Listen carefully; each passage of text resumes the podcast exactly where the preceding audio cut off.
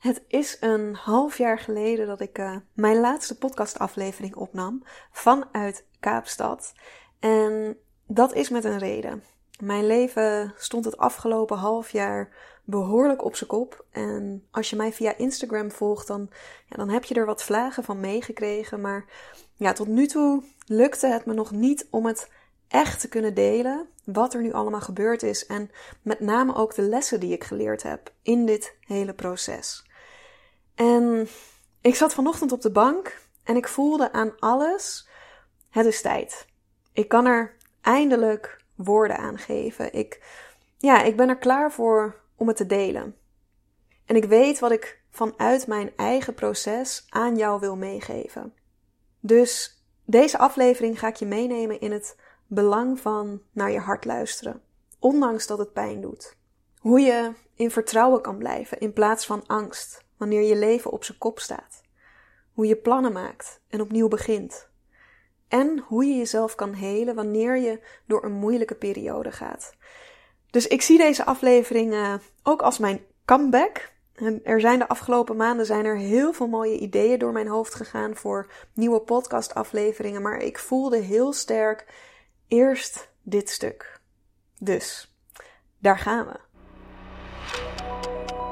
Welkom, dit is de Leef je hartsverlangen podcast. Ik ben Nanda van Aalst en ik neem je in deze podcast mee in praktische tips en inspirerende verhalen over hoe je meer purpose in jouw business en leven kan creëren. Ik neem je mee op reis naar verbinding maken met je hart, ontdekken wat jouw diepste hartsverlangen is en wat er nodig is om te gaan leven en werken vanuit wie jij in de kern bent. Zodat je alles uit jezelf en het leven haalt en daarmee een positieve impact maakt op deze wereld. Let's go!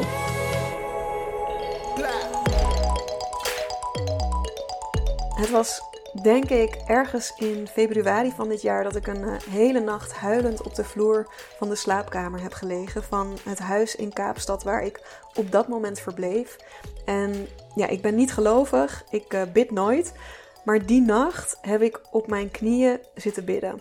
Omdat ja, het voelde alsof mijn toekomst als een kaartenhuis in elkaar stortte en ik wist het gewoon allemaal echt even niet meer. Ik zat uh, op dat moment zat ik twee maanden alleen in Kaapstad en ik ontdekte daar dat ik in Nederland vasthield aan iemand, aan een leven waarvan ik diep in mijn hart wist dat ik dat voor mijn eigen geluk, maar ook voor zijn geluk los had te laten.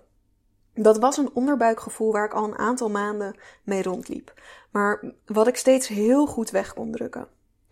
En eenmaal in Zuid-Afrika op mezelf, in contact met mezelf, ja, kon ik er niet meer omheen.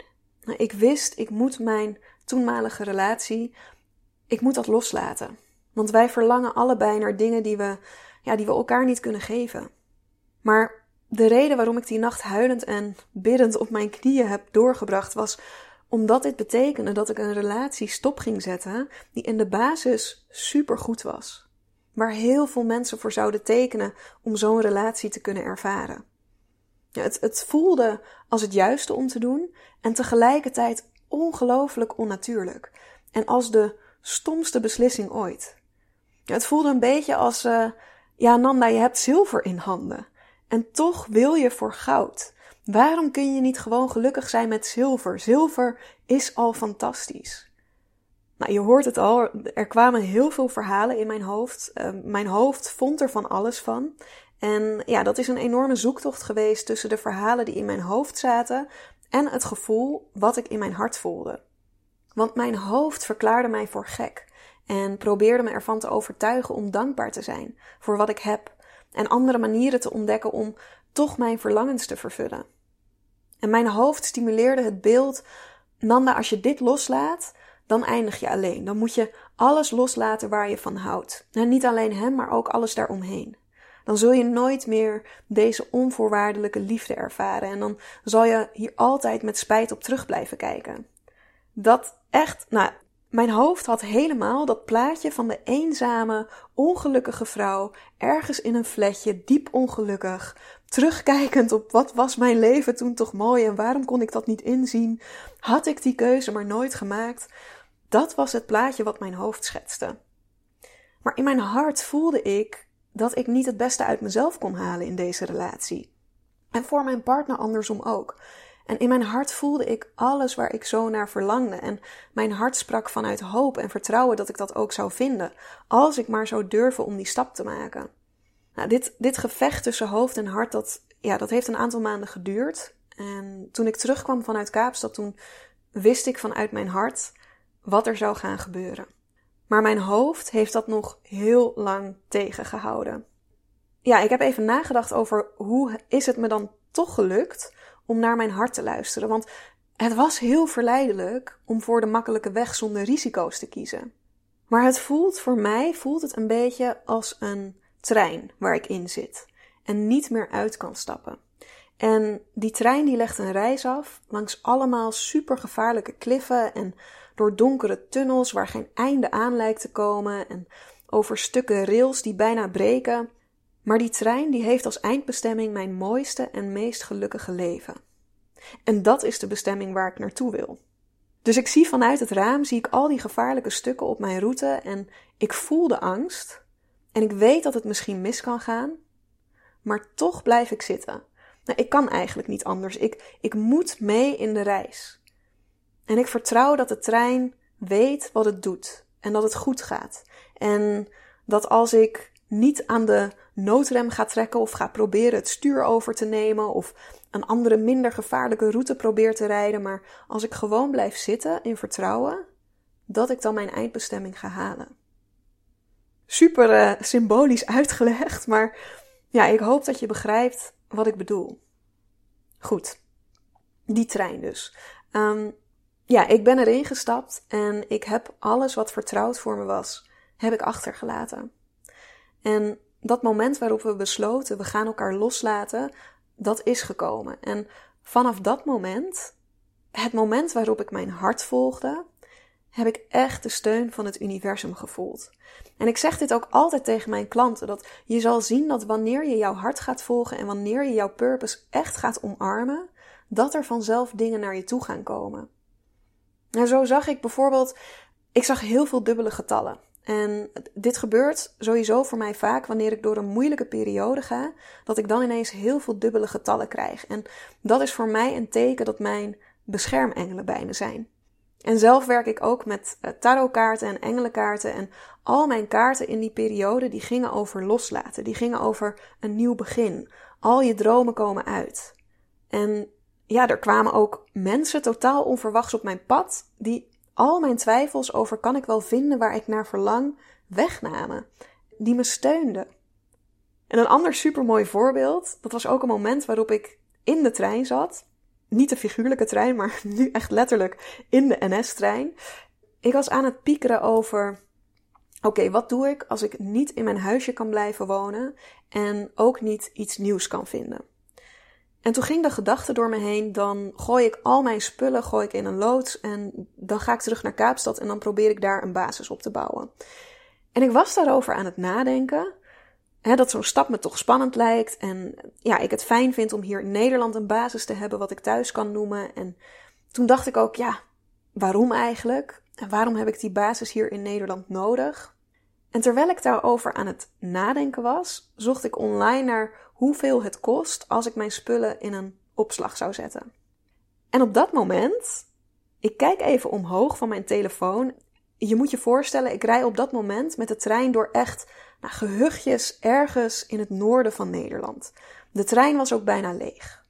Maar op dat moment dat ik opkijk van mijn telefoon, staat er een man op die een rugby-t-shirt draagt waar heel groot op de achterkant South Africa staat.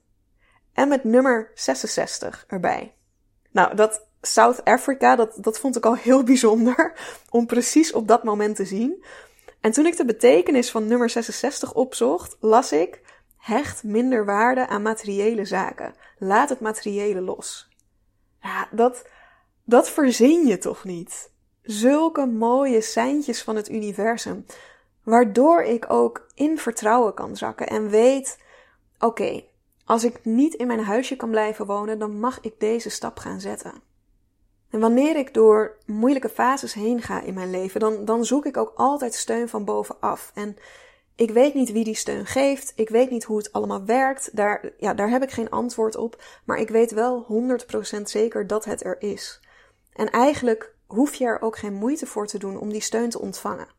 Het enige wat je hebt te doen, dat is het kunnen herkennen voor wat het is. Jezelf openstellen voor de seintjes. Ik ga, ik ga absoluut niet door het leven heen dat ik overal een betekenis of een teken achter probeer te zoeken. Helemaal niet. Maar ik herken het seintje absoluut wanneer het me wordt gegeven. En je kan die steun kun je, ja, kun je ook wat bewuster opzoeken. En voor mij zijn dat uh, tarotkaarten of engelenkaarten. En met die kaarten krijg ik echt advies. Ja, nu kun je denken, ja, maar hè, net als bij horoscopen kun je jezelf al heel gemakkelijk herkennen in de boodschap, want het wordt super algemeen geschreven. Maar dat is dus niet zo. En voor de grap trek ik daarna ook wel eens een aantal kaarten om te checken. Oké, als ik deze kaart had getrokken, had ik mezelf dan ook herkend in het advies wat via deze kaart wordt gegeven? En dat is nooit zo. Er komen dan altijd teksten uit waarvan ik denk: nee, dit, dit heeft gewoon totaal niet te maken met de situatie waar ik nu in zit. Dus je, je kan die steun, kan je echt bewust opzoeken. Goed, ja, de periode nadat mijn uh, voormalige vriend en ik elkaar hebben losgelaten. Dat was een periode waarin ik mezelf had te helen. Want er was zeker verdriet en er was zeker pijn en onzekerheid. Wat mij daarin geholpen heeft, dat, dat zijn een aantal dingen geweest. Allereerst heb ik echt ruimte gegeven aan het verdriet. Ik, ik heb het niet weggedrukt. Er waren dagen waarop ik alleen maar kon huilen en ik echt niets gedaan kreeg. En daar heb ik mezelf aan overgegeven. En nu, nu is het als zelfstandig ondernemer is het gemakkelijker om, om daaraan toe te geven dan wanneer je in loondienst werkt. Maar ook als je in loondienst werkt, zou ik zeggen: meld jezelf ziek.